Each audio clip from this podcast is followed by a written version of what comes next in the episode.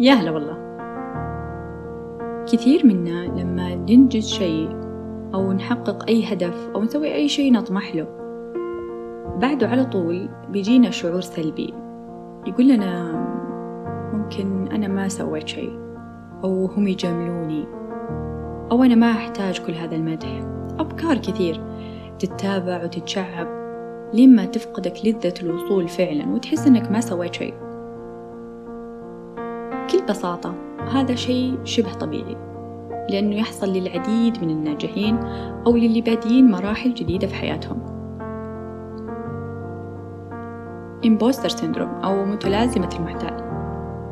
هو نمط نفسي يحسسك أنك أقل مما أنت عليه بالفعل أو أقل من اللي حولك عموما. ويقلل من إنجازاتك مهما كانت واضحة جلية أمام عينك. ويكون تبريرك لإحتفاء اللي حولك فيك إنه مجرد مجاملة ممكن.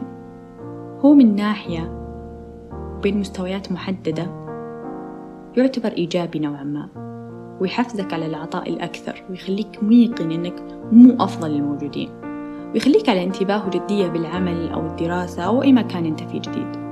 لكن من ناحية أخرى وبين مستويات عالية يكون سلبي ويتطور معاك إلين يوصل حالة نفسية أو انعدام استحقاق.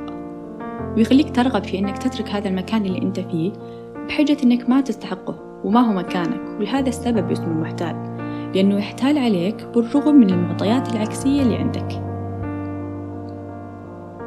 الهدف الأساسي والرئيسي من هذا الكلام ومن هذه الحلقة إني أقول لكل أحد يسمعني أنت مو لوحدك اللي تحس بهذا الشيء.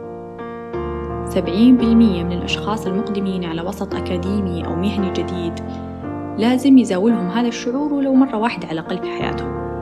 والحل هذا كله هو الإدراك. أنت مجرد ما تدرك هذا الشعور هذا بحد ذاته هو الحل. وتذكر نفسك دائما بقيمتك الحقيقية وبأهدافك اللي بتوصلها مهما كانت البيئة تتطلب منك عطاء ضخم.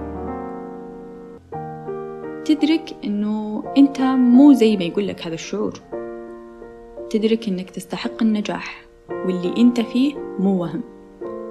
وتدرك أنه هو مجرد حالة نفسية وتسمح له بالرحيل.